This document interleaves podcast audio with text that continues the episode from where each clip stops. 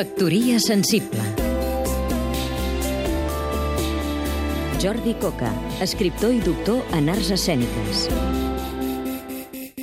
A 25 quilòmetres de Vilnius, la capital de Lituània, hi ha un parc temàtic certament particular.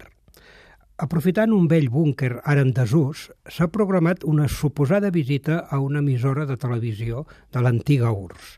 Les instal·lacions són a 5 metres de profunditat i es caracteritzen per gaudir d'un ambient gèlid i humit, amb falta de salubritat i d'higiene, i per estar decorades amb colors depriments i mobles tètrics.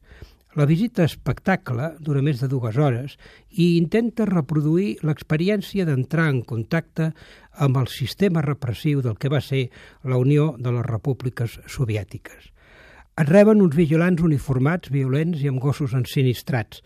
Et fan vestir robes velles, grises i humitoses. T'adverteixen que no tens cap dret.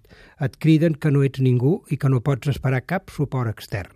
T'has de desplaçar en màscares de gas, contínuament ets violentat i ofès, t'amenacen, et sotmeten a un interrogatori brutal com si fossis culpable de greus delictes i d'atemptar contra l'Estat.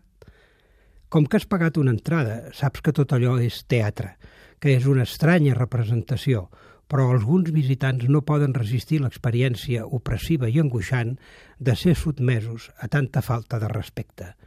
Has de menjar els pitjors menuts imaginables, Has de beure vodka encara que no en tinguis ganes i t'obliguen a prendre l'himne soviètic. Tota una experiència. Factoria sensible Seguim-nos també a catradio.cat